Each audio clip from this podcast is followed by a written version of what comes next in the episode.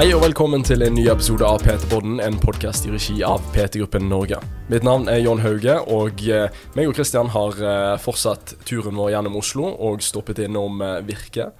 Og her har vi en, en ganske fin bukett av folk med oss. Miline Eriksson gjør sin retur på PT-podden. Og vi har første gjest med tre besøk på podden. Henning Holm av PT-sjef. Uh, Vi har jo prøvd to ganger. Vi får håpe at alle gode ting er tre, da. Ja. At endelig kan bli noe fornuftig ut av besøkene hans. Er det alle gode ting er 33 for deg, da? Ja. Det er rundt 30 episoder, er det ikke det? jo, jo, jo. Og vi har jo eh, Kristian eh, klagde litt i forrige episode her for at han, eh, han har ikke vært med på et par ganger, så han har ikke fått så mye skryt. Så det at eh, forrige episode så fikk han en del skryt, og han fikk egentlig beskjed om at eh, denne så blir det ingen. Så vi bare holder oss for gode til å, til å nevne at han ble verdensmester og, og diverse. diverse. Ja. Men det er jo Vi har jo en som har vært egentlig nærmere toppsjiktet i verden enn hva du har her. Ja, så ser dere på meg? Ja, ja, ja. ja han, var, han var ikke i nærheten av å komme til OL. Nei da, men altså jeg har jo hva man kan si ikke Altså taekwondo i norsk sammenheng er jo ganske liten idrett, da, dessverre.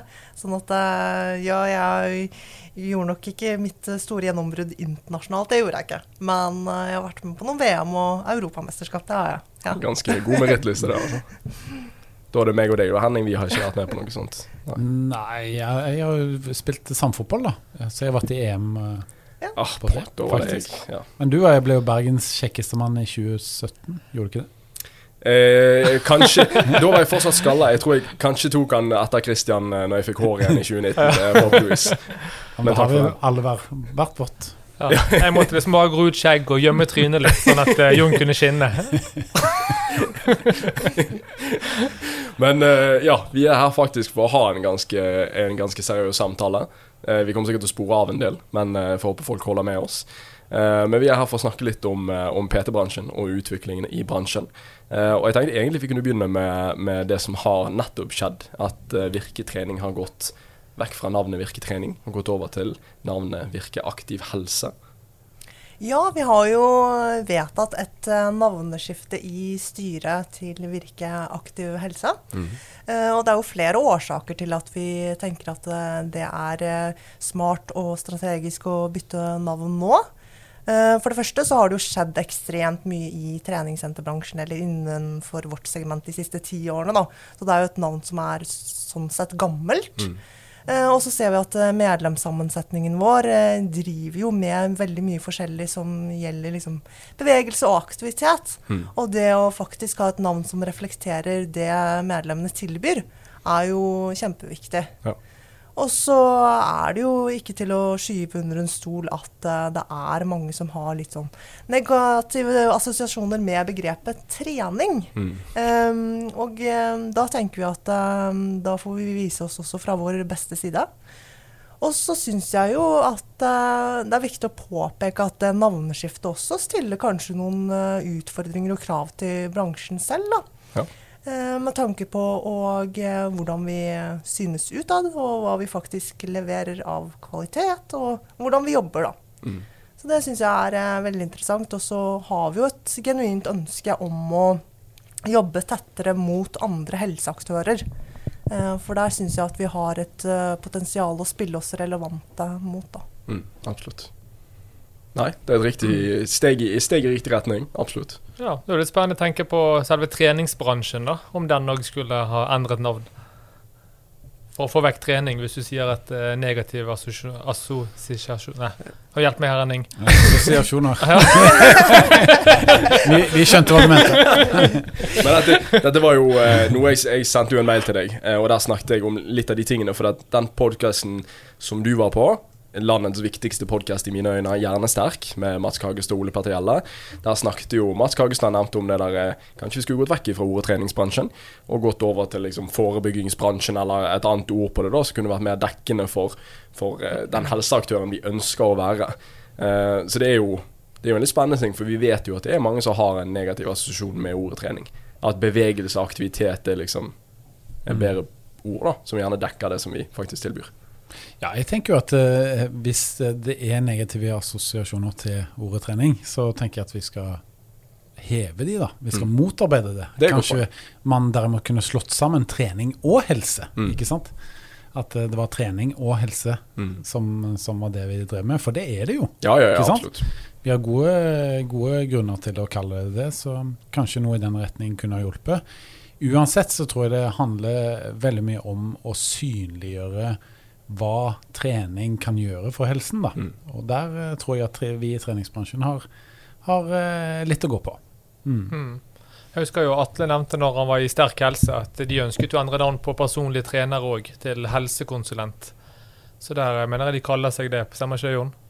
Jo, det tror jeg. Om de, var, om de hadde gjort det eller vurdert å gjøre det, det er jeg Mm. ikke sikker på. Men det kan være. Men det, er jo, det blir jo òg, eh, når du sier det, det blir jo litt som å bare løpe fra problemer. Til en viss grad. Og jeg er veldig enig, og jeg har egentlig ikke Av en eller annen grunn så har jeg ikke tenkt over det på den måten, men, men ja, vi må jo på en måte endre folks assosiasjon til Klarte jeg det der, Kristian? Assosiasjon? eh, assosiasjonen deres til, til trening, eller til liksom ordlyden personlig trening, da. Og eh, vi som har vært PT i veldig mange år, vet jo at personlig trening det er jo ingenting som er mer dekkende. For det er jo det det er. Det er jo personlig trening. Altså det er jo sant, Du er nesten en hobbypsykolog. Altså det, er ingen, det er veldig få yrker som er mer personlige enn en det vi holder på med. Så det er jo farlig å, å løpe vekk fra det òg. Ja, hvis vi skal filosofere litt rundt hvorfor er det negative assosiasjoner til ordet trening, så tror jeg det er fordi mange har mislyktes Mm. med å skape seg en treningshverdag. Og man Ja. tenker på trening som veldig slitsomt. Men spør jeg en av dere som sitter her, så tror jeg dere har ganske positive assosiasjoner til det, og tenker at åh, nå har jeg lyst til å trene, eller den økta jeg hadde i morges var så god. og da, da kommer det en følelse i kroppen som er veldig god, da. Så hva skal til for at vi klarer å få resten av befolkningen dit at eh, når de hører ordet trening, så er det sånn hm, Nå er det lenge siden neste økt, jeg gleder meg til å trene igjen. Mm. Jeg tror jo bare ordet trening blir Det høres for Eller grunnen til at folk har en negativ assosiasjon til det òg, er at det høres ut som det er for høy terskel for å gjøre det. At det er assosiert ofte med at Oi, her blir jeg veldig, veldig sliten, sånn som du sier. Men at trening kan være 20 minutter ganger på tredemøllen i litt, i litt godt tempo, liksom. Det trenger ikke være Vi vi må prøve å gjøre treningssentre generelt sett og, og PT mer lavterskel. Og vi vet jo at de som kommer til oss, majoriteten gjør det jo pga. at de vil forbedre helsen sin. Det er jo veldig få som kommer og sier at du, jeg har lyst på sixpack, eller jeg har lyst til å ta 160 i benkpress, eller sant? Men eh, det er liksom den, den egenhelsen som folk prøver å sette først. Så egentlig så er det jo bare lavterskel, det vet vi liksom innad, men det blir ikke nødvendigvis frontet på den måten utad. Iallfall ikke av media nødvendigvis heller, syns jeg. Eller TV. Mm. Ja, jeg tenker jo at mange av de kundene som jeg har fulgt opp opp gjennom årene, de har jo gjerne en sånn semi-hard økt med meg Mm. en gang i uken, og så har de eh, to ganske moderate økter i tillegg. Og jeg eh, sier alltid at det, det privilegiet du har hvis du trener ganske mye, at du får en del rolige treningsøkter. Mm. Ja, men det ja. Eh, og det er noe å tenke på, for det, det er ikke til du spyr hver gang. Nei. Hvis du trener ganske sjelden, så er det ganske slitsomt, for du er ikke så god form. Mm. Det er nummer én. Og nummer to at hvis du trener ganske sjelden, så bør du få opp intensiteten. At du får masse nytte ut av den økta. Så mitt tips er å trene litt mer moderat, og heller oftere, faktisk. Ja, og det er, jeg følger jo deg på Strava, så jeg ser jo hva du gjør. Og det er ikke, jeg tror ikke det er mange av de øktene der du så vidt kan gå etterpå, eller du holder på å stryke med fordi det er så høy intensitet. Nei, det er jo riktig, men jeg har jo en eh, personlig trener som sitter og forteller meg hva jeg skal gjøre på den andre siden. Sånn at eh, der har vi i utgangspunktet to eh, litt sånn harde økter, prioriterte økter, og så har vi veldig mye sånn der lavintensitet, da. Ja. Så det er jo liksom mer på hobby slash performance-nivået. Men eh, det er jo kjempeviktig det å parodisere og det med intensitet og gjøre ting riktig nettopp for å få liksom fremgang, da. Som jeg syns er veldig, veldig gøy. Og så tenker jeg bare én siste kommentar også til det der navneskiftet til Virke aktiv helse. Det er jo sånn at uh, treningssentrene i dag også leverer veldig mange andre typer tjenester enn det de gjorde før. Sånn at selvfølgelig, ja, personlig trening, men det er jo sant, mer fysioterapeuter, mer sånn ernæringsfysiologi, det er mer eh, også Noen uh, har jo gode kontrakter også opp imot eh, legestanden osv. Så videre, sånn at vi ser at liksom, tjenestespekteret også utvides i mye større grad. Mm. Og at uh, det der um, fagmiljøet blir uh, litt uh, bredere, da. Ja. Og det er jo kjempespennende. og riktig, tror jeg. Jeg tror det er absolutt behov for det. Altså, jeg, jeg føler det Gjennom alle årene jeg var PT òg, så jeg føler jeg at det har vært mangel på samarbeid mellom treningssentre, PT-er, fysioterapeuter, kiropraktorer, psykologer, eh, sånne type instanser, og iallfall leger i aller høyeste grad. Så eh, å få en bedre forståelse for hva alle jobber med, og hva vi kan bidra med, mot hva andre eh, aktører bidrar med, eh, eller instanser, det er gull verdt. Alfa og omega for at denne bransjen òg skal bli mer samlet. Eh, og at vi skal kunne, kunne henvise litt mer fram og tilbake igjen mellom hverandre. For jeg tror det er litt mye frykt per i dag for å sende folk hit og dit, fordi at de er redd for å ikke få kundene tilbake igjen. Og hvis det, hvis det er én ting jeg lykkes veldig godt med som PT, så var det å sende folk av gårde til, til enten en naprapater eller en næringsfysiologer eh, av gårde med en gang, eh, hvis de spurte om ting jeg ikke hadde kunnskap om. Og alle de kundene kom tilbake igjen. Så det Ja, det viser jo bare en profesjonalitet og en trygghet du har. Mm. Dette er jeg god på, men ikke dette temaet. Så da går du videre til han eller hun, Ja. så kan de hjelpe deg med det. Det viser jo bare at du er proff, tenker jeg da. Ja, så hvis du har lyst til å bli, eh, bli veldig god på sprint, så går du gjerne til Christian. Hvis du er veldig god på å løpe maraton, så går du kanskje ikke til Christian. Nei, Nei men det, det er jo absolutt eh, Det er en veldig god egenskap som jeg håper at, at flere av bransjene tar med seg eh, og blir mye flinkere til. Mm. Få et bedre ufarlig samarbeid mellom, mellom folk som hjelper mennesker på helt forskjellige måter. Mm. For det er jo stort sett det vi gjør. Ja. Og en interessant ting som uh, man ser fra den forbrukerundersøkelsen som vi også har kjørt, da, Mm. det er jo hva slags motivasjon folk har for å gå og trene eller være fysisk aktive.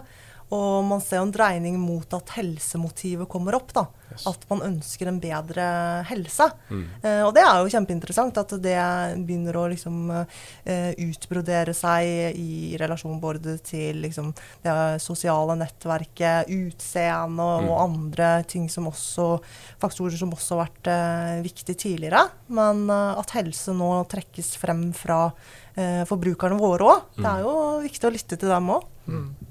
Ja, Der skrøt jeg veldig av dere, men uh, syns jeg AFPT òg står frem som en veldig god aktør i forhold til å liksom sette folkehelse uh, liksom egentlig først. Første Mm. rekke.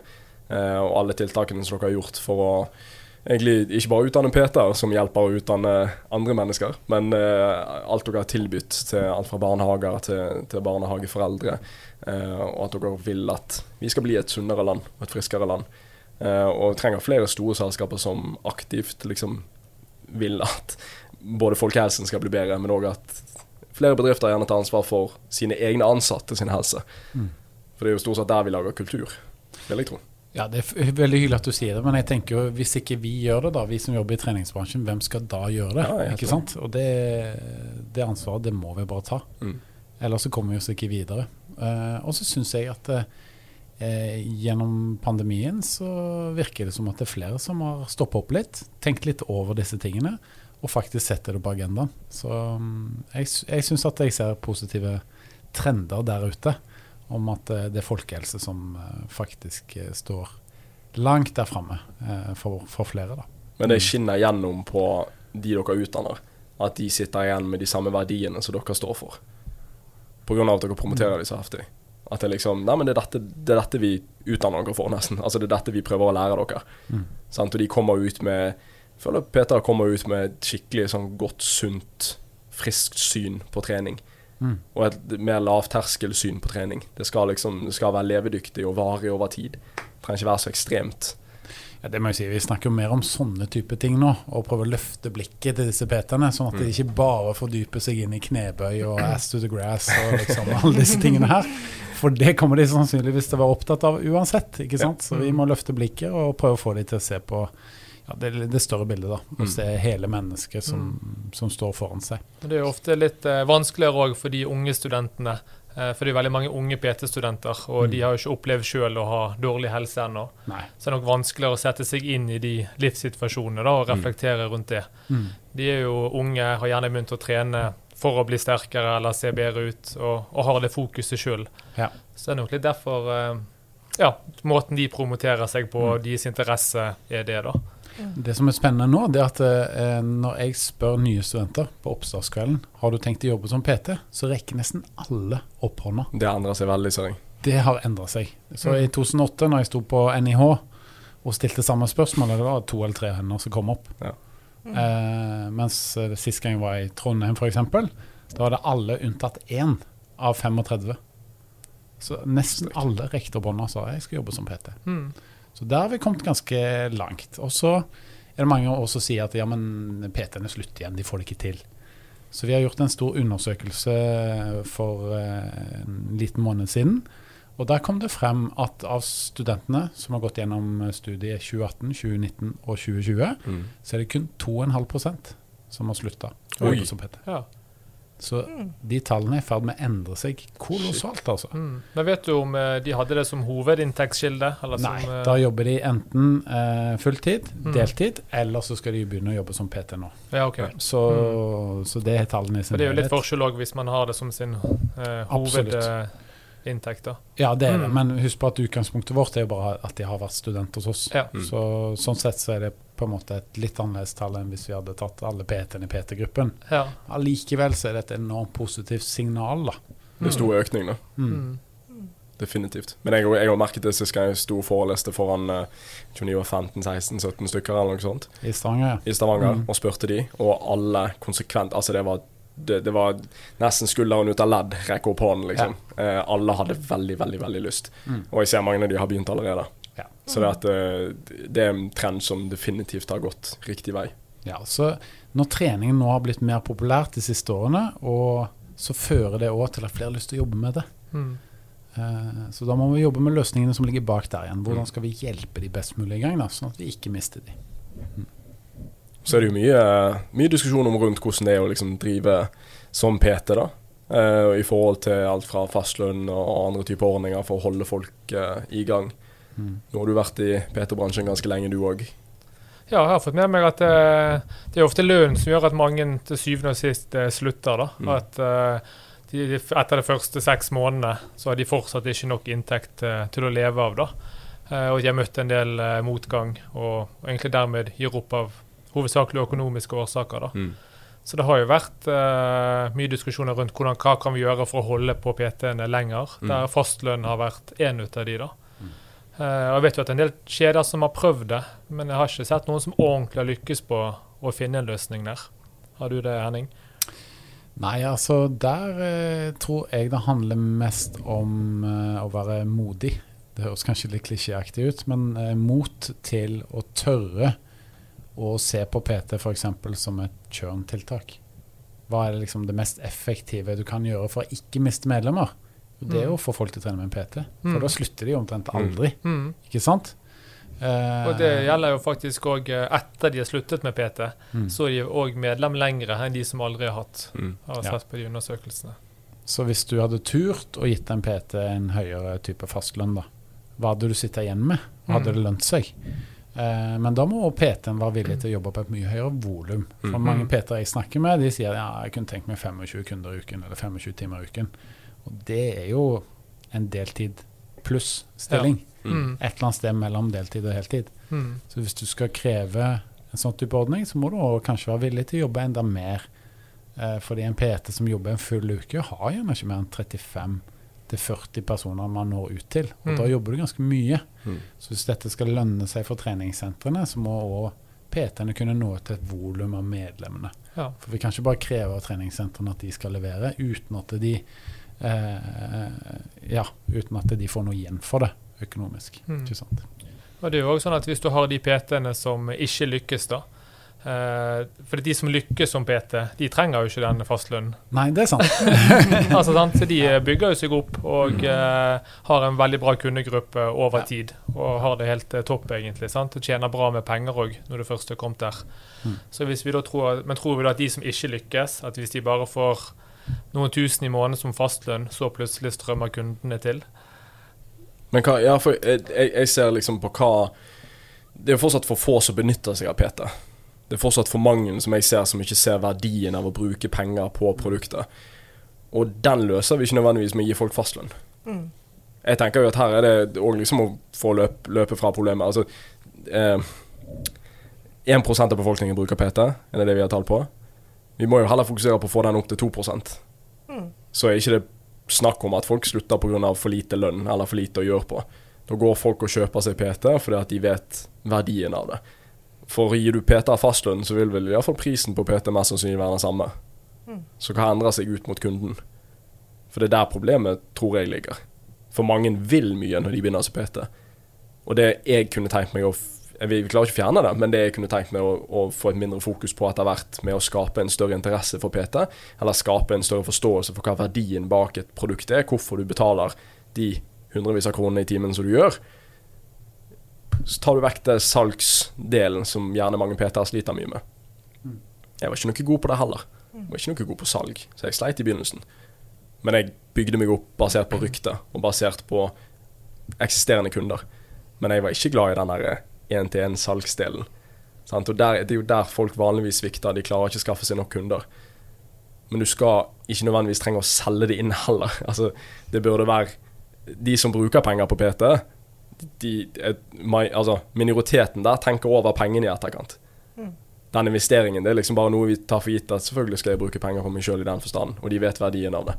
Så jeg tenker fastlønn er jo Det løser fortsatt ikke det største problemet, da, som jeg ser det. Nei, for det blir jo litt sånn at Hvis du som senterleder, så må jo du se det økonomiske i det. Mm. Du må jo kunne tjene penger på å ha PT-er der. Ja, ja, ja. Og hvis du da skal gi fastlønn til de PT-ene som ikke lykkes, så høres jo det litt rart ut, det òg. Mm. Og vil de, vil de da lykkes, fordi at de får litt eh, fastlønn? Nei, jeg tror nok at det må være en, eh, en viss sum som ligger til rette, og så får resten være en slags provisjon. Eh, Det er jo sånn det er i mange andre salgsyrker. ikke sant? Så det kunne vært en fin løsning på det. Mm. Og så Hvis man tenker hvordan skal jeg nå ut til flere, så, så kan man nå si at eh, kanskje man må gå bort fra dagens metode hvor du har PT én til to ganger i uken, Mm. og si at ja, men du får oppfølging en gang i måneden eller to ganger i måneden, og prisen koster det. Så du tar ned prisen litt, og så øker du opp volumet som en PT eh, kan nå. da. Altså du når ut til flere. Det er jo litt dette online-coacher har en tendens til å lykkes veldig godt med. Ikke sant? Mm. Så det, det finnes mange måter å gjøre det på. Jeg tror bare egentlig det er fantasien som setter eh, begrensningene. Mm. Så mye er mulig, men vi må tørre å tenke litt annerledes hvis vi skal komme oss dit. da. Mm. For jeg, jeg vil dra ut noe som du har sagt før. Og det er viktigheten av å skape en god kultur på senteret. Både blant PT-ene, men òg blant medlemmene. Og vi ser òg på liksom sentre der folk lykkes med PT, så har det en tendens til å være pga. at det er en del PT-er der, det er et stort team, og det er mange, mange medlemmer som alltid ser noen trene med PT. Det er vanlig på dette senteret å trene med PT. Og det har jo mye å si hvordan resepsjonen er og sånn som det der. Det er litt annen på, på EVO, der var dere litt mer avhengig av at eh, det var flere PT-er samtidig pga. at det ikke er en resepsjonist. Men resepsjonistene kan ha sinnssykt stor innvirkning på å skape den kulturen. Sant? Hvis det er når du kommer inn og melder deg inn på et sammen senter i Bergen, da, og det første du ser er liksom en PT, eller noen med PT, eller resepsjonisten bare sånn Ja, har du lyst til å ta deg nytte av, eh, av eh, inkluderte PT-konstellasjonen? Det er det første liksom de går ut ifra. Så skaper du og setter den kulturen ganske sånn klart fra starten av. Enn på et annet senter det gjerne aldri blir snakket om, eller der du aldri ser en PT med en kunde. Så er det jo Det er litt forskjell, da. Klart det. Vi så jo Det ser sikkert dere òg i PT-gruppen, men jo flere PT-er som var på et senter, jo mer solgte den enkelte PT. Yes. Så det var ganske konsekvent, altså. Mm. Vi solgte mye mer der jeg jobbet når vi var to PT-er. Nei, fire PT-er enn to PT-er. Ja, ikke sant? Så det Ja, jeg tenker jo at det, det her er interessant, fordi jeg tenker at det ikke, absolutt ikke er noe fasit med tanke på valg av liksom lønnsmodell. Fordi det vil jo være variere ut ifra liksom, eh, hva, slags, hva treningssenteret tilbyr ellers, og geografi og sånne type ting. Men eh, det jeg tror eh, er viktig for at ikke treningssenterbransjen skal blø ut potensiell verdifull kompetanse, da, det er jo å klare å gi de som har et potensiell potensial, en reell sjanse til å lykkes. Mm. Fordi at det er jo noen som på en måte har eh, et lite lag på det å utvikle seg og blomstre på Ja. både en arbeidsplass, men også det å eh, pitche disse både salgsmetoder og andre ting som skal til for å lykkes. Mm. Eh, og der tenker jeg jo at eh, man bør ha en sånn god, bevisst holdning til hvem er det som egentlig faktisk har et potensial, men du ser at det, ja, han må få lov til å eh, vare litt lenger, da, og Mm. at man eh, da klarer å, å fange fange opp de, sånn at de ikke også forsvinner ut. Uh, og så tenker jeg jo at det er en veldig stor uh, fordel for uh, treningssenterbransjen som sådan at flest mulig som kommer inn, klarer å lykkes. Mm. Fordi det er jo en kostnad også for virksomheten med alle de som eventuelt må kjøre en exit, og spesielt de som har et genuint ønske og har investert i en utdannelse. Mm. Sånn, så der er det jo eh, både, sånn som jeg tror jeg nevnte sist gang, liksom det, det, samspillet mellom utdanningsaktørene uh, og den overgangen inn på arbeidsplassen, og mm. hvordan man tilrettelegger for å være en attraktiv, god, trygg arbeidsgiver for de som kommer inn. da. Mm. Det er liksom flere, mm, flere ting her. Og så syns jeg jo absolutt at mye av jobben også til både Virke og treningssenterbransjen som sådan, det er jo nettopp det å eh, øke hva man kan si, markedstilgangen. Eh, sånn at den 1% at vi har en ambisjon om at flere potensielle kunder eller eh, målgrupper skal inn. Mm. Og der må vi jo jobbe på litt mer overordnet nivå også. Mm. Jeg ser jo også det ofte at når vi, når vi ansetter uh, PT-er som, som, lykkes, da, så er det en del mennesketyper som, som går igjen. Så det er jo ikke bare på kompetanse i form av uh, utdanning. Mm. For jeg har òg ansatt mange med, med, mastergrader som ikke har fått seg kunder. Mm. For det er til en annen type uh, annen personlighet og mennesketype da, enn de som lykkes. Man ser jo ofte at de som lykkes, er utadvendte, har mye energi, de er positive. Uh, de takler motgang bra. For du må takle motgang som PT i oppstartsfasen. For du vil få mye nei når du skal selge. Og du vil ha perioder du har sliter litt økonomisk siden det er provisjonslønn. Og Vi ser jo at de som holder igjennom det da, og er positive eh, og takler det greit, de, de lykkes til slutt. Mm. Mm. Og ser du dette med, med, å få kjemi med veldig mange forskjellige typer kunder og mennesker. Eh, så har man ikke de egenskapene, da, så tror jeg ikke det holder med bare kompetanse. Mm. Er det, Hva ditt inntrykk der, Henning? Nei, jeg er helt enig i det. Jeg husker jeg jobbet som studiokoordinator på SATS en ja. gang i tiden. Og det betydde jo å være PT-ansvarlig og treningsveilederansvarlig.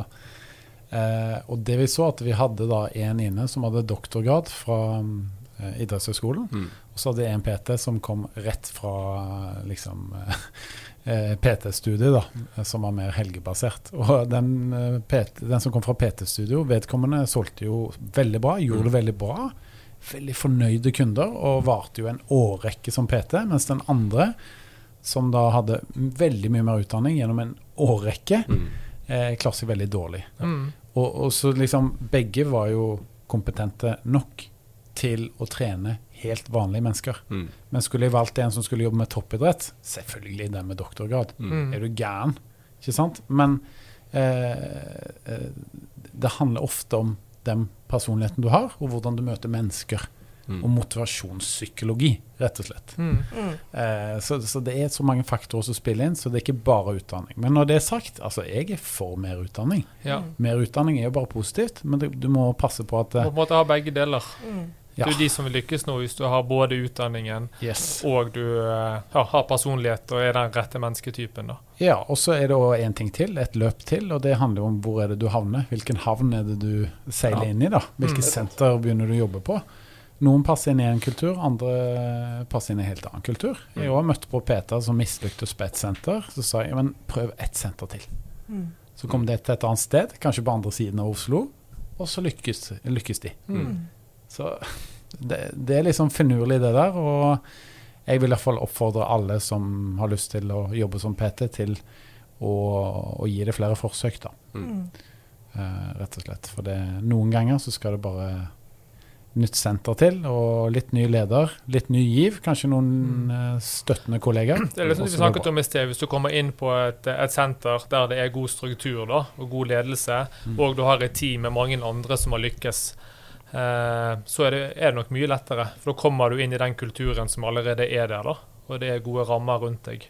Mm. Og hvis du da ikke klarer å lykkes der, da ja, da tror jeg det kanskje er på tide å se etter noe annet. Ikke sant. Ja. Og så er det jo fortsatt steder som der du til viss grad kan få jobb veldig fort, få deg en T-skjorte, og så er det på en måte ut på gulvet, og så er du for deg sjøl. Mm. Mm.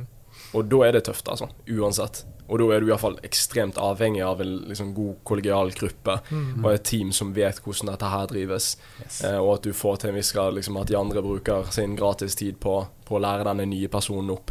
Mm. Altså, vi og ser så er jo- det sånn at eh, mange av de som begynner, er jo unge eh, Mm. fortsatt. sant? Og det å ha eh, et provisjonsbasert eh, yrke som sitt første yrke, gjerne. Det er gjerne den første jobben du skal inn i. Mm. Mm. Og da skal du leve på provisjonslønn, og du skal bygge opp din egen kundebase. da. Det er jo knalltøft, selv om Mm. du er 25 eller om du er 30. Å gjøre det når du er 20, tror jeg er er ekstra tøft. da. Klart det. Og òg en del eh, av grunnen til at mange ikke lykkes. For du må òg være selvstendig, og du må Mm. klare å strukturere både dagen og uken din sjøl da, Ja. eh, for å få det til. Men forskjellen er at i dag så kommer det ofte ikke som en overraskelse på de som starter. Det er sant. De er forberedt på at OK, de første månedene kan bli tøffe. Det er Mm. provisjon, jeg må Mm. jobbe for det, jeg må ha en plan. Mens eh, for ti år siden så var det sånn Hæ, skal jeg jobbe med salg? Mm. Ingen som sa noe til meg om det på PT-studiet. Jeg tror det kunne bare komme i resepsjonen og ville ha PT. Ikke sant? Så jeg tror vi har kommet en lang vei på det, altså. Ja. Men jeg tror jo òg Jeg ser jo at uh, mange av de konsentrasjonene som kommer inn hos oss, er folk som ikke er medlem på et senter ennå. Eller akkurat har meldt seg inn. Og så vet de at OK, her er jeg helt grønn, her er jeg fersk, jeg trenger hjelp. Mm. Og mye av det som jeg sendte til deg, så var det jo Klarer vi jo å, klarer vi å øke den 20% som er av Norges befolkning som trener på et treningssenter, til 30, til 40, så kommer det jo inn et hav med mennesker som ikke har kompetanse rundt dette her i det hele tatt. Så sier du at det har gått fra 20 til 30 da, på et år eller to eller noe sånt, av norske befolkning som trener på et treningssenter. Den PT-prosenten, den hadde gått fra 1 til 5. Mm. Eller til ti. Altså det, det har vært helt ekstremt. Vi hadde hatt så mangel på PT-er. Ja, for jeg, jeg syns jo det her er eh, veldig interessant diskusjon, den der tanken på kombinasjonen mellom hard og myk kompetanse, da, og Mm. hvor mange år er det du skal ha eh, investert i utdanningen din. Og vi ser jo ikke sant, nå fra erfaring at det er liksom ikke nødvendigvis en eh, korrelasjon eller sammenheng mellom hvor høy utdannelse du har, Mm. og hvor flink du er. Um, og så syns jeg jo det er jo interessant å, å reflektere over et legitimt spørsmål. Hva er det en PT skal kunne levere? Mm. Uh, fordi at vi snakker om å egentlig i utgangspunktet motivere, opplære kanskje mennesker som eh, har en utfordring med å komme i gang. Da. Yep. Eh, og i utgangspunktet så er jo det liksom hovedområdet vårt, og så beveger vi oss i den ene retningen mot mer rehabilitering og opptrening, mer at du kanskje bør ha noe mer spisskompetanse Mm. opp imot fysioterapi og sånne type ting. Og så beveger man seg opp i skalaen på det performance-segmentet, da. Yes. Men eh, jeg tenker jo at eh, hovedkundegruppen vår som ligger potensielt der, ligger jo i midten her. Eh, og spørsmålet er jo da om markedet er villig til å kaste av seg så mye som det koster å ha en på bachelor eh, fulltidsstilling på et senter eller som selvstendig næringsdrivende. Og her må vi jo tenke liksom parallelle utviklingsløp, da. Sånn at så lenge PT-yrket er 100 eh, avhengig av salg og på en måte prestasjon innenfor en eller annen salgsprosess, så må vi eh, begynne å liksom eh, Vi må tenke i noen parallelle utviklingsløp, tror Mm. jeg, enn at vi sitter igjen med en drøss av også overkvalifiserte gåseøyne personer som, eh, som man ikke kan plassere i bransjen. det er jo veldig mange med bachelorgrader som jobber med PT i dag. Og veldig mange med mastergrader òg. Mm. Eh, så jeg syntes jo at den yrkesgruppen ja, er allerede veldig godt på vei inn i yrket.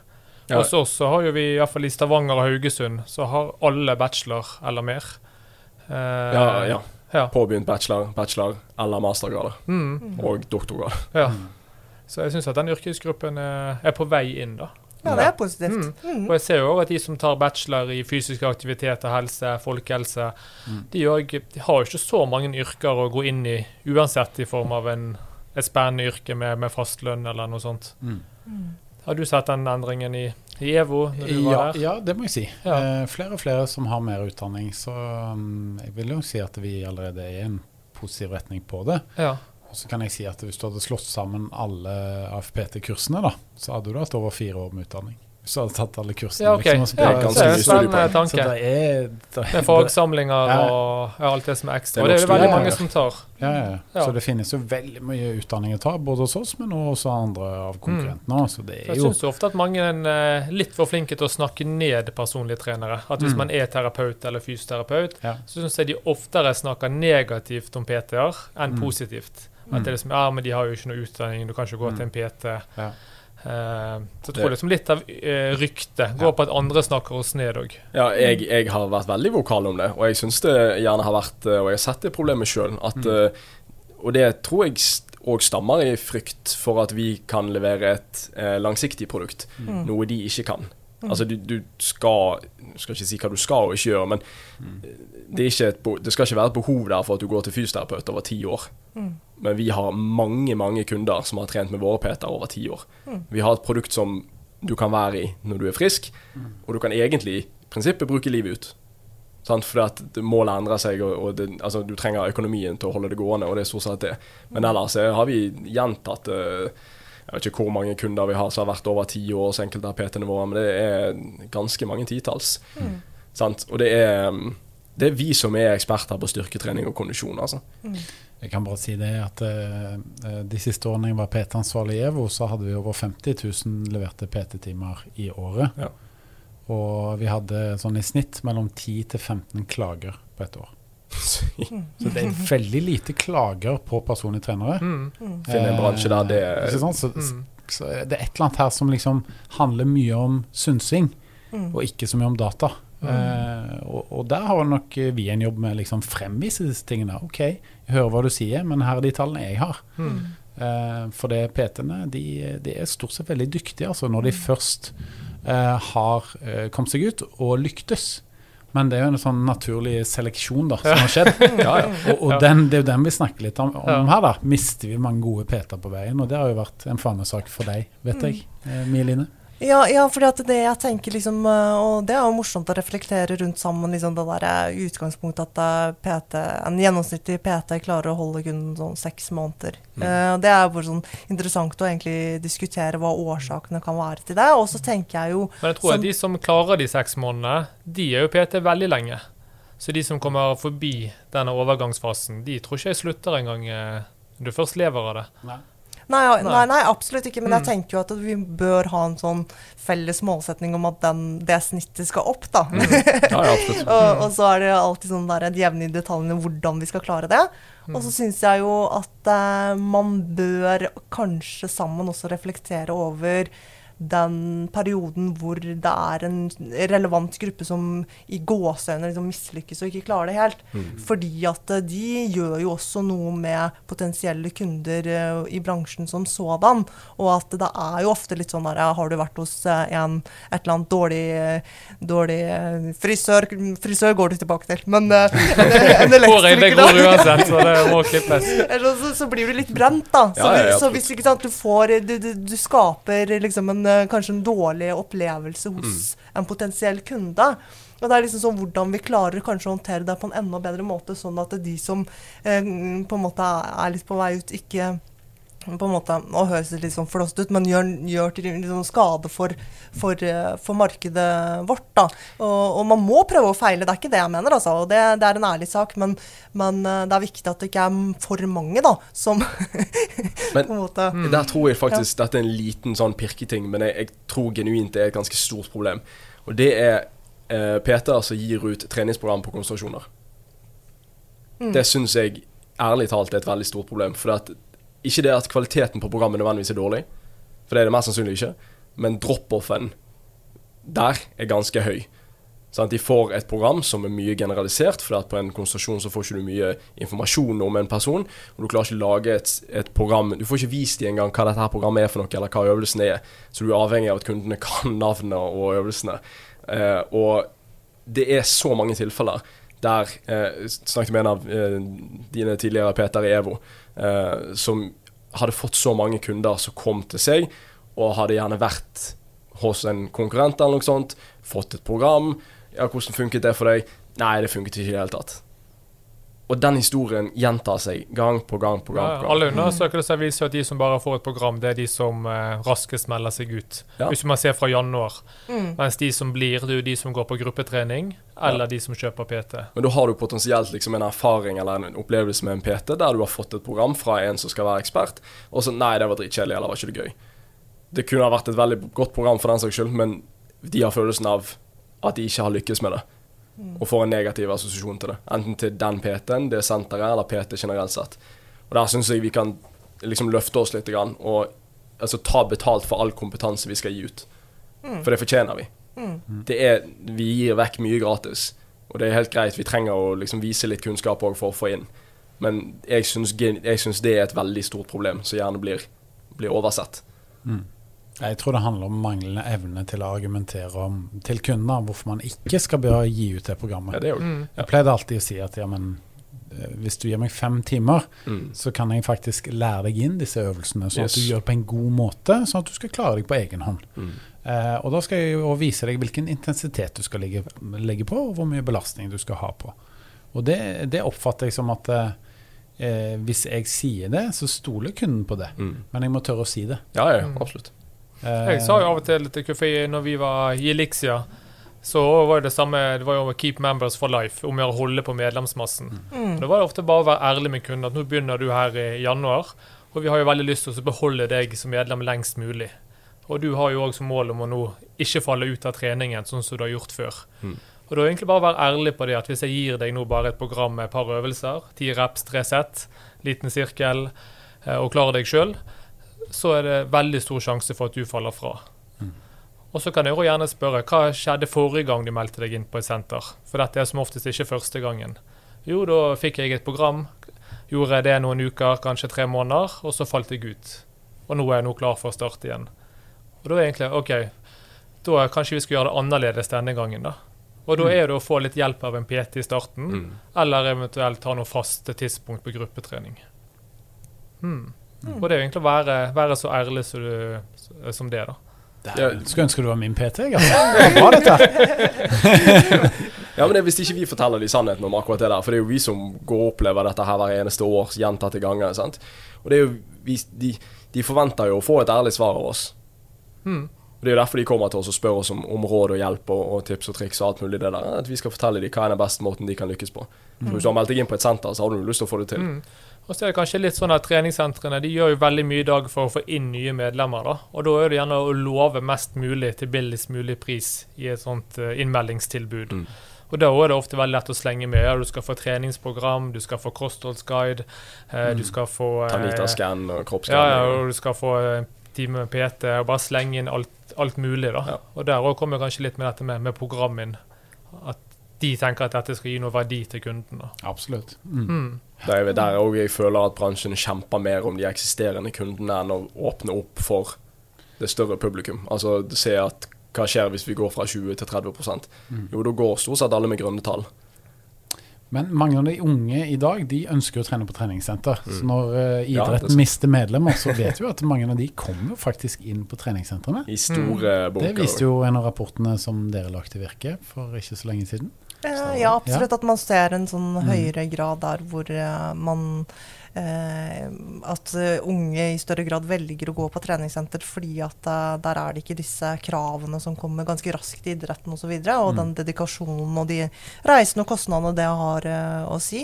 Sånn at jeg tenker jo det er kjempeviktig at vi, vi tenker på dette med å utvide markedet vårt eh, imot både yngregruppen og, og eh, si, de som er inaktive, og, og selvfølgelig de eldre.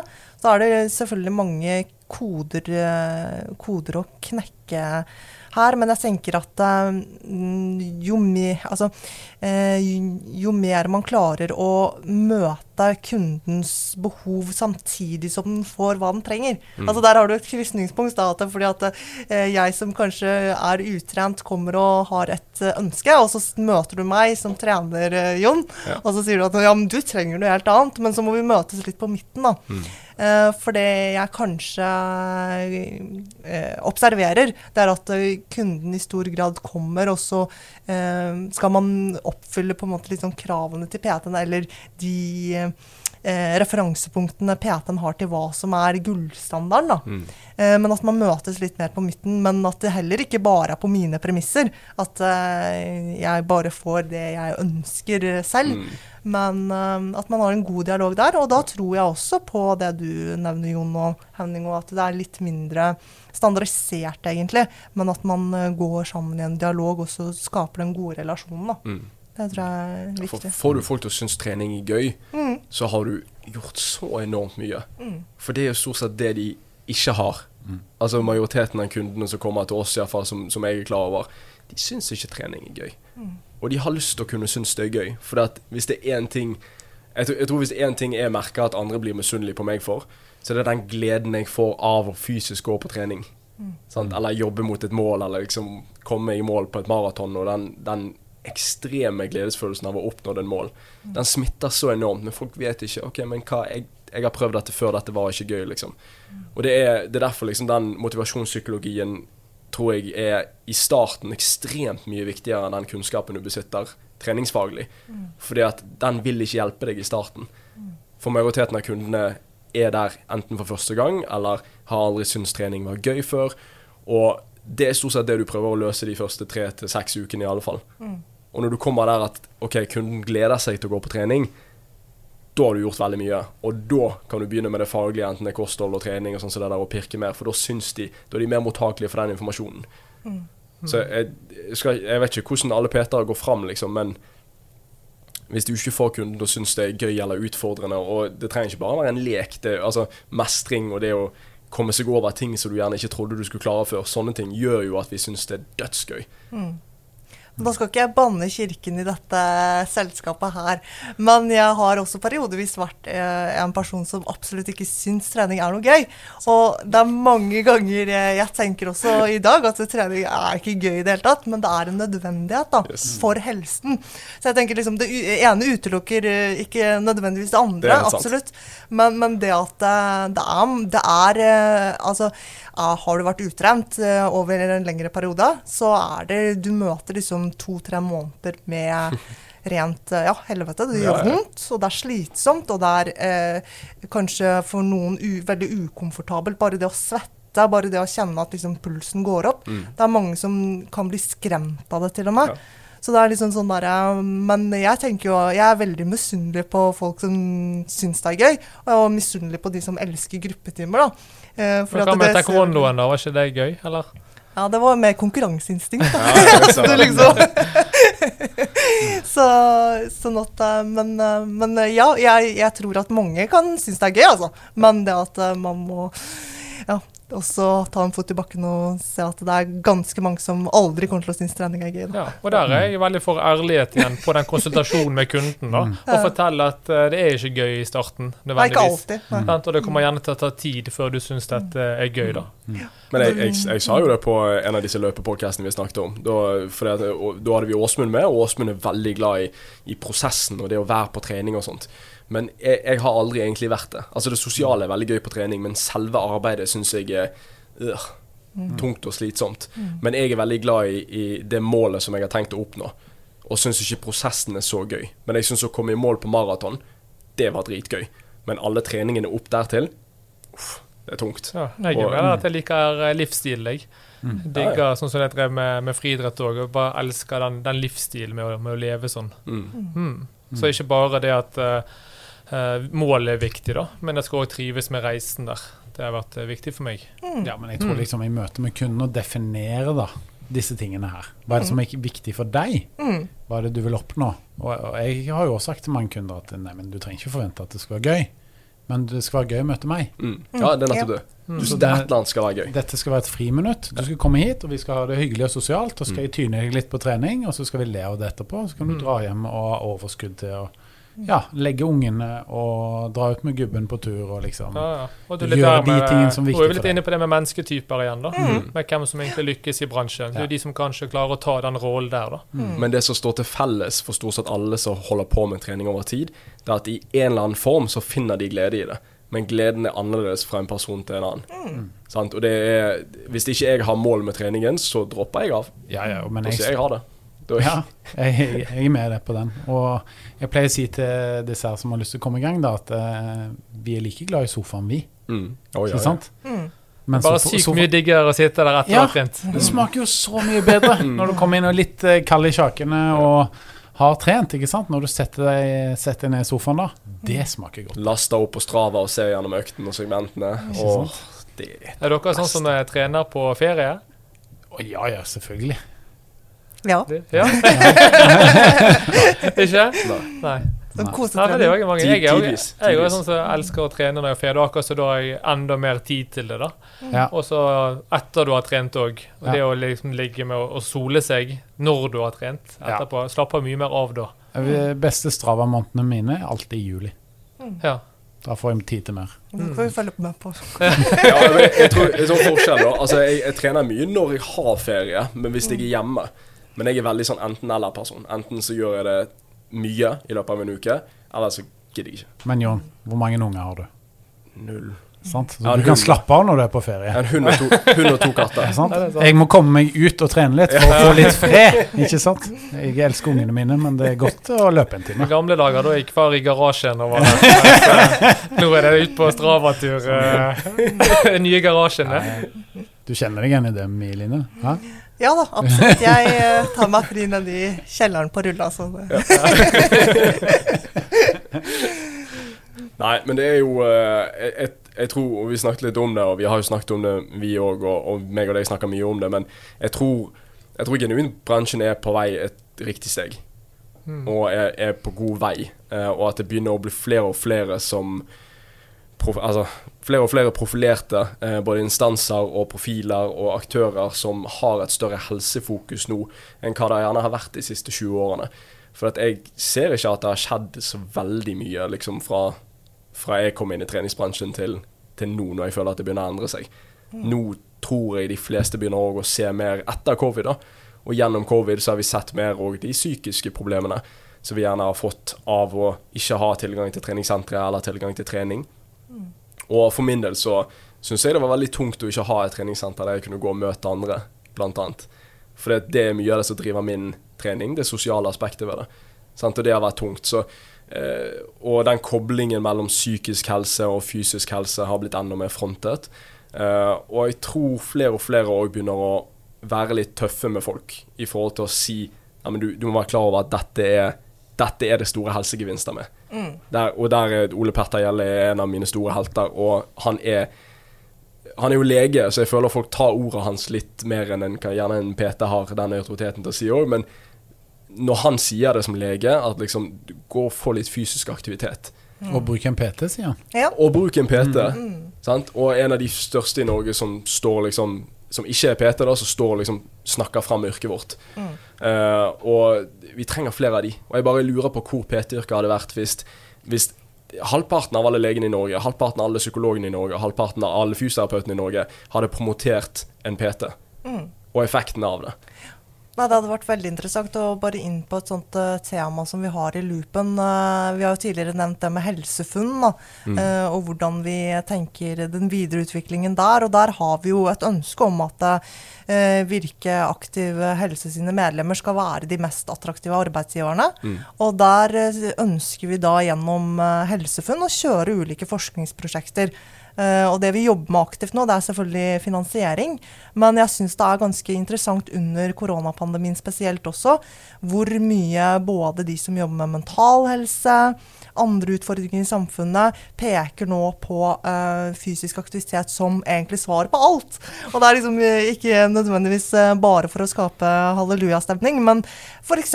det med spilleavhengig, så ser man også at det har vært et høyere trykk på disse telefonene som støtter dem. Og så så jeg en sånn kjempefin reportasje der hvor en person som slet med spilleavhengighet, hadde erstattet da noe av den spillingen sin med trening.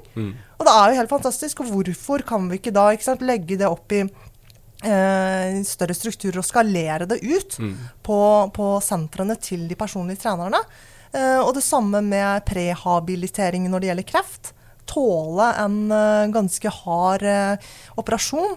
Og så ser man også litt paradoksalt da, at mange som har hatt eh, covid-19, ehm, har en dårlig helse. Men så ser man også forskning på det at det, før de ble syke, så hadde de faktisk en relativt dårlig helsetilstand allerede. da. Stemmer det. Ja, sånn at det, det, det er liksom det at eh, man ser også det at de som har vært fysisk aktive, får igjen for dette nå under pandemien også. Noe som er grovt underkommunisert. Absolutt. Ekstremt lite nevnt. Eh, og vi har vært litt sånn eh, bak tanken om vi skulle lage et type innlegg om det, men det er jo en brannfakkel til en viss grad. Eh, men det er Jeg tror ja, Bergens Tidende kom ut med en sånn halvveisartikkel i går der de viste litt statistikk i forhold til mye av grunnen til at folk havner inn på sykehus med covid. Eh, og det vi ser òg på tvers av verden, ikke bare i Norge, det er jo det at majoriteten er i dårlig form og overvektig. Ja. Eh, dessverre. Det ser man i studier på, i USA, store studier, uh, UK, og vi har sett også noe i øh, jeg tror det er deler av Asia, noen større studier på akkurat det. Mm. Og jeg syns at det skal være synd hvis vi ikke skal kunne eh, peke på de tallene og realitetene. Mm. Eh, og så sammen tenke på hvordan er det vi kan eh, jobbe mer forebyggende. Mm. Det syns jeg ikke bør være problematisk, egentlig. Nei, jeg så han eh, i WHO eh, gikk ut og sa det òg, at i forhold til neste pandemi, som nok kommer en gang, så må eh, befolkningen i de forskjellige landene nå ha bedre helse. da, Og da spesielt på, i forhold tanke på overvekt og fedme. Ja, ja, potensialet vårt er jo enormt. Folk må trene. Så Mm. lenge du er menneske, så har du et behov for å trene. Både kondisjon og styrke. Og det, det, det er sånn det er. Ja, det så kan du velge om du vil gjøre det eller ikke, men det behovet har du. Ja, Ja, det kommer ikke til å endre seg. Nei, Ikke i det hele tatt. Og det, men jeg, jeg, jeg syns det er veldig synd at det har vært eh, Og gjerne eh, Deler av bransjen har nok ikke tørt å rørt for mye i akkurat dette temaet. Men det at det ikke har blitt kommunisert mer eller promotert mer at kanskje du skal være litt fysisk aktiv. Så det er ikke det at du, du har mindre sjanse for å få covid, men du takler det mest sannsynlig mye bedre. Ja. Mm. Og det hadde løst en del. Ja, god helse er jo mye mer enn å bare være fri for smitte. Yes, Mm. stemmer det. Og jeg så òg at eh, inaktivitet var òg linket til eh, covid-smitte.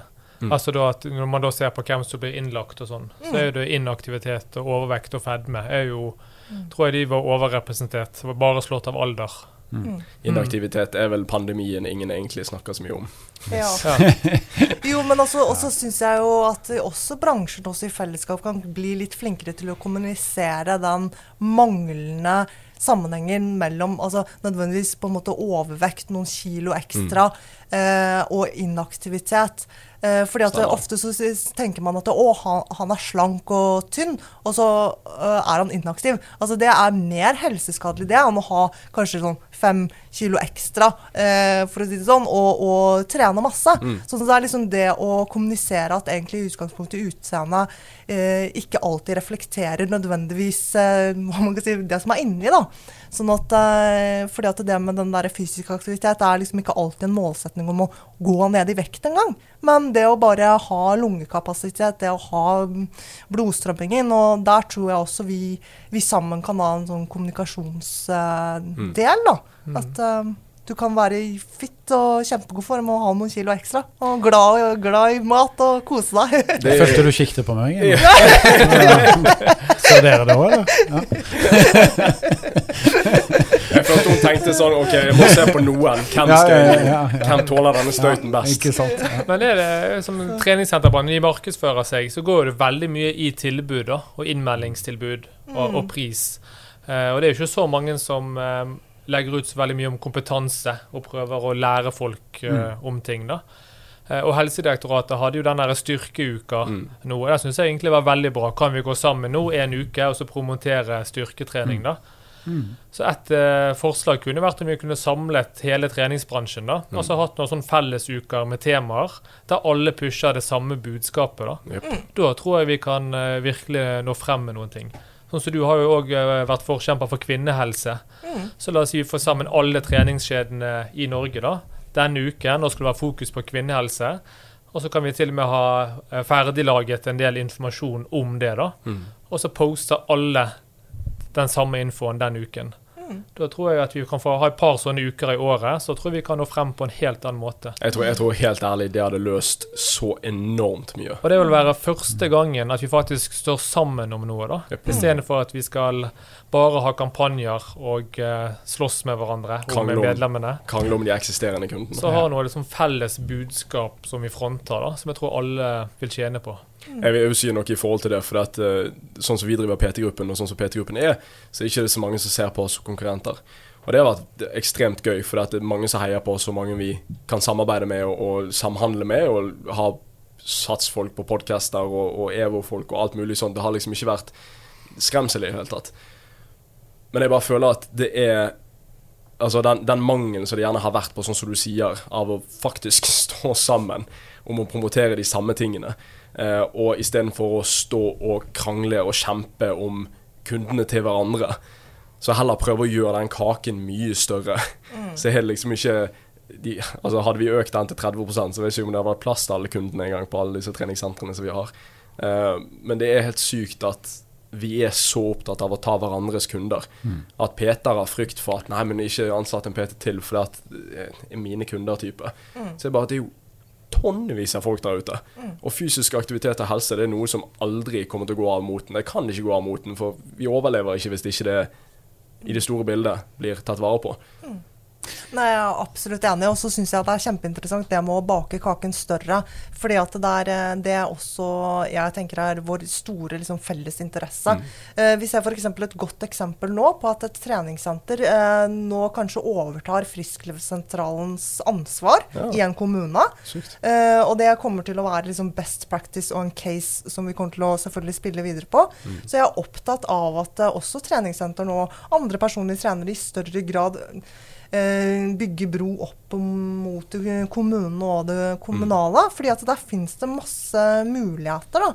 Og det kan også gi bedre forutsigbarhet på eh, økonomisiden også. Det å ha noen faste, gode avtaler. Og det kan være alt fra inkludering av kvinner til eh, unge, sårbare gutter. Alt mulig. Kommunen har et ekstremt ansvar, eh, også innenfor helse. Og her bør vi begynne å makse litt potensial og snakke mer med kommunene. Altså. Det, Helt enig. Ja, og Da tar man vekk litt, så du nevner det, det salgsfokuset på PT nå. da, for Hvis vi kan få en 20-30% av kundene litt sånn henvist fra, fra andre steder, da, så vil jo det hjelpe på veldig mye.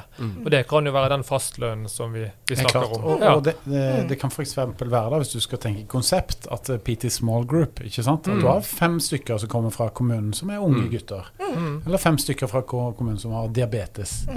Eh, og så trener du de på tilnærma lik måte. Eh, litt sånn tilpassa den enkelte, selvfølgelig. ikke sant? Og på den måten så kan du kanskje ha et konsept som funker. Så Ja, mange absolutt. gode tanker her. Ja, ja, og så ser man veldig mange gode enkelthistorier. Og det å liksom overta nesten eh, eldresenterets eh, aktivitetsplan. ikke sant? At man inviterer. eh, På dagtid har man kapasitet. Og bruke både saler og studioer rundt omkring. Og da ha fokus på, på de eldre, f.eks. Og det er liksom det å maksimere og se liksom potensialet og kapasiteten hos det enkelte senter eller stedet. Det er ekstremt viktig det med liksom markedsutvikling og produktutvikling, egentlig. Er det ikke det vi snakker om, Henning? Jo, Faktisk. Det er det. det, er det. Jeg er jo litt fan av at eh, PT-yrket skal klare å stå på helt egne bein økonomisk. da, Og at man kan forsvare økonomien i det uten at man må sponse det av eh, pengene man får inn på medlemsmassen. At Man kan jo si, eh, som Henning nevnte òg, at PT hjelper veldig på å holde på medlemmene. Og dermed så kan det være verdt å ta litt av medlemsinntektene og gi PT fastlønn. da. Men jeg hadde jo håpet at yrket vårt skal være såpass bra at ikke det trengs. At vi skal kunne ha PT-er eh, uten å bli sponset av, eh, av annen type inntekter. Men hvis vi ser på at de unge i dag, at det er veldig mange flere unge som trener, og den største gruppen som kjøper personlig trening, fan, som vi fant ut da, i EVO, det, det var når jeg jobbet der, det, det var at det var de mellom 18 og 29 år. Mm. Så når vi vet da at eh, den største gruppen av PT-kunder er de unge, pluss at det er flere og flere unge som begynner på treningssenter, vil ikke da penetrasjonen øke over tid? Jo, Det er spørsmålet. mest sannsynlig.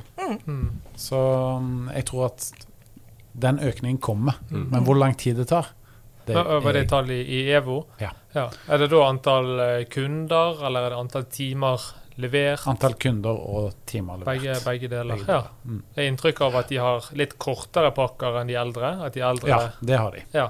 Mm. Så det, når de eldre først kjøper, så blir de lenger. Ja. Ja. Mens de som er, den største gruppen som kjøper, det er de unge. Ja. Men jeg, jeg tenker uansett i det store bildet her at eh, jeg, jeg syns jo eh, Jeg har nevnt på forrige podkast med, med deg, Line, og at uh, denne episoden som Hjernesterk kjørte sammen med Johan Kaggestad, faren til Mats uh, At alt det som skjedde på Modum Bad, og fortsatt skjer på Modum Bad det er over 40 år siden de begynte å bruke fysisk aktivitet som behandling.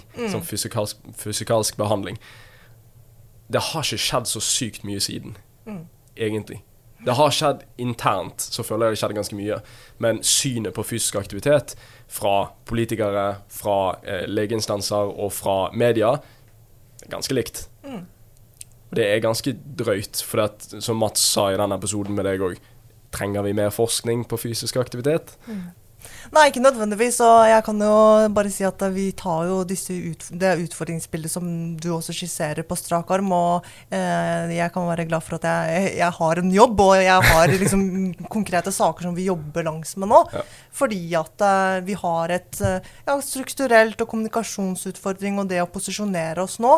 Og så syns jeg også det er eh, interessant å komme innom den eh, kommunereformen som eh, var innført i 2013, og at den egentlig falt litt i fisk. Eh, sånn at det er jo eh, Og det innebærer jo ikke at behovet ikke er der lenger hos befolkningen. Nei, nei. Behovet og intensjonen fra både Helsedirektoratet og egentlig kommunene var å bygge ut en um, infrastruktur på forebyggende helse. Eh, og um, da ser vi jo at um, dessverre så klarte man ikke å gjennomføre det på en vellykket måte. Eh, og der må jo vi komme inn som bransje da, og ta plass. Absolutt. Helt enig. Så, mm. Mm. For de som eh, eh, mener at eh, de Peter, som vi var inne på i sted, da, har for kort utdanning, og eneste måten å komme der på, det er at vi må ha høyere utdanning. da. At eh, årsstudium det er ikke godt nok. Har du noen tanker om det, det Henning? Eh, årsstudium er jo godt nok, for det ser vi i dag. Det Mm. funker jo. PT-ene kommer ut til markedet, og de leverer varene. Mm. Eh, og PT-ene overlever i større grad nå enn det de gjorde for noen år siden. Så, så den diskusjonen mener jeg den er god å ha. Mm. Men samtidig så må vi, eh, må vi ha et edruelig blikk på det.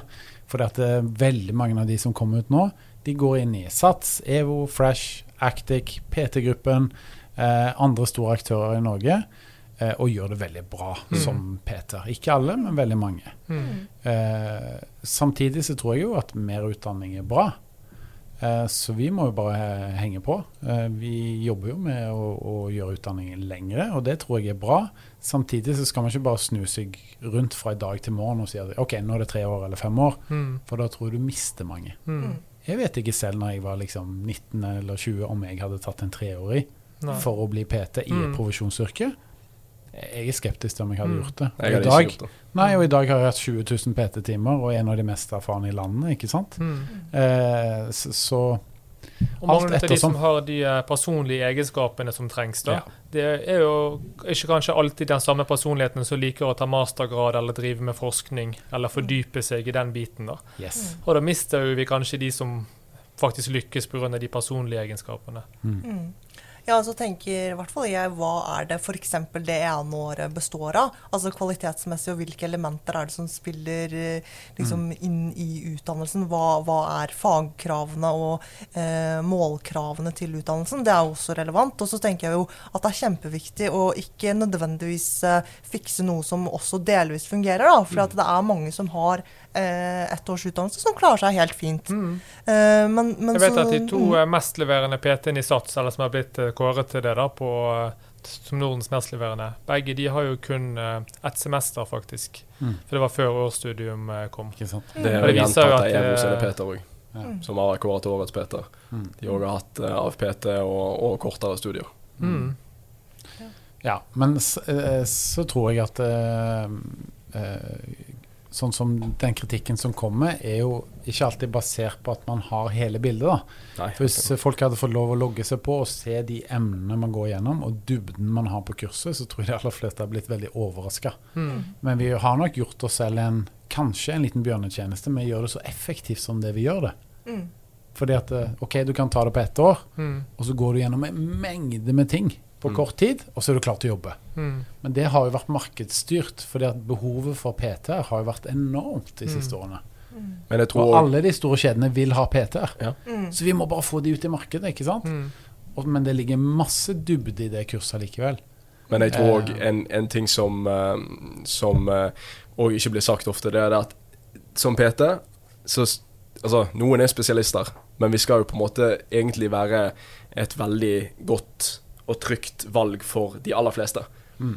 Og så er det fullt mulig å spesialisere seg og Yes. kunne jobbe med mer eh, spesialkompetanse og toppidrettsmiljøer og alt sånt som det der. Men eh, altså det, det, det er veldig viktig å lære hvor mye du ikke kan som PT. Og der jeg tror vi kan lykkes bedre som en bransje, er òg hvis flere PT-er er klar over sine begrensninger og er flinkere til å henvise videre. For at da får vi gjerne ikke disse her Dere har veldig få klager, og det er helt ekstremt. På liksom 55, nei, 50 000 leverte PT-timer. Og det er jo der på en måte jeg føler vi òg som bransje er blitt bedre. Det er få færre PT-er som tråkker over linjen og lover ting de ikke kan levere. Og hvis du ikke gjør det, så holder vi innenfor det vi holder oss innenfor det vi faktisk er utdannet som.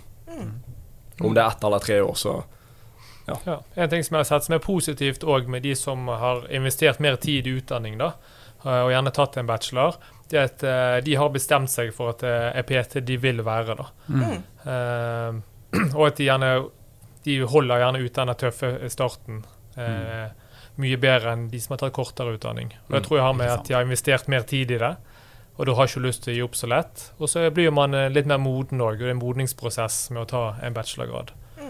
Ja, men jeg kan si at vi jobber med å bygge på PT-utdanningene. Ja. Eh, Så jeg tror at eh, vi ser i hvert fall for oss at du skal gjøre eh, en slags PT1 og PT2 og kanskje en PT3. Ja. Ikke sant? Sånn at Mm. du, du kan begynne å jobbe etter PT1, men gjerne utdanning videre underveis. Da. Mm. Ikke sant? Så Ja. det finnes mange ulike måter å gjøre det på. Og det tror jeg egentlig Jeg skal ikke si at det er fa- fasiten, men jeg tror det å kunne praktisere yrket mens du fortsetter utdanning, tror jeg er det, det lureste. For det er et praktisk yrke.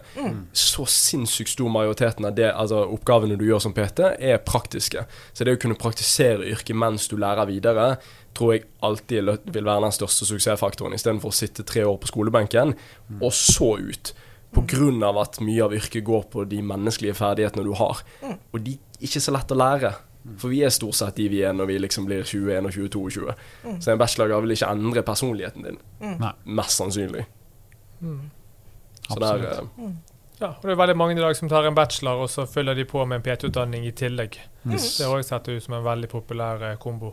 Ja, og erfaringsmessig der, mange av de gjør det jo veldig bra. Mm. I hvert fall eh, det som jeg har erfart som PT-leder. Mm. Yes. vi har fått sagt mye, da. Mm. Ja. Har du noen uh, flere tanker Miline, om veien videre for, for PT-yrket? Nei, jeg tenker jo at uh, det er viktig at uh, nå bransjen og utdanningsaktørene møtes, og det skal vi gjøre i februar for å diskutere liksom veien videre. Og behovet for det med eventuelt liksom sertifisering slash eh, beskyttet tittel eller mm. en eller annen autorisasjon der hvor man nettopp får et sånn kvalitetsstempel på minste felles multiplum. Mm. Det tror jeg kan være et viktig verktøy for oss for Mm. fremtiden. Spesielt hvis vi sikter oss mot eh, henvisningsrett. da. Yes. Ja. Hvem er det vi skal kunne henvise til? Er det meg, eller er det dere? Mm.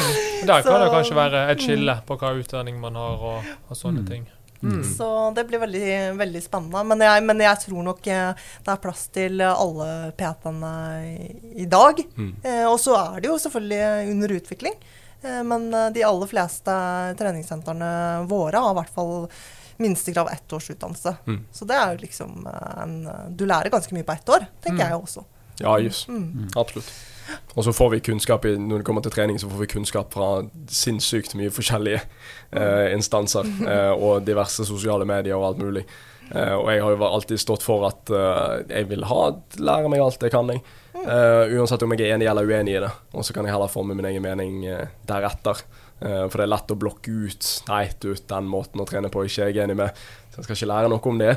Så, eh, og der syns jeg de fleste er blitt uh, veldig, veldig gode. De kan ekstremt mye. altså Ungdommen òg, nå som er på, vi merker det på studentsentrene. De kan mye, altså. Når de bare går der og trener sjøl. mye mer kunnskap enn hva jeg hadde da jeg var 18-19. Så uh, vi er på vei i en klokere treningsverden. Uh, så ting vil endre seg med tid, altså. Kloke ord. Mm, Det blir spennende å se hva 2022 bringer nå, da. absolutt. Nei, men da eh, Det tror jeg har vært en veldig god diskusjon. Dette er ikke et tema som forsvinner, så det er ikke umulig å ta opp igjen flere ganger.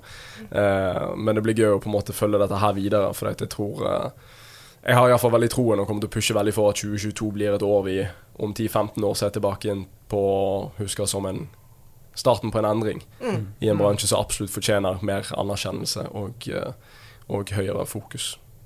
Veldig bra. Det er veldig fint at dere som aktør setter dette på agendaen da, og tør å ta diskusjonen et steg opp. Så det, det skal dere ha kudos for. Tusen Ja, takk for det. absolutt. Mm, takk for det. Setter vi stor pris på. Jeg sa kudos fordi det er Strava-språket. Du tok Jeg det. Ja, ja. Ja, jeg Jeg skjønte ingenting, jeg. Når jeg folk sier kudos, så blir jeg litt sånn Åh, jeg blir litt varm inni meg.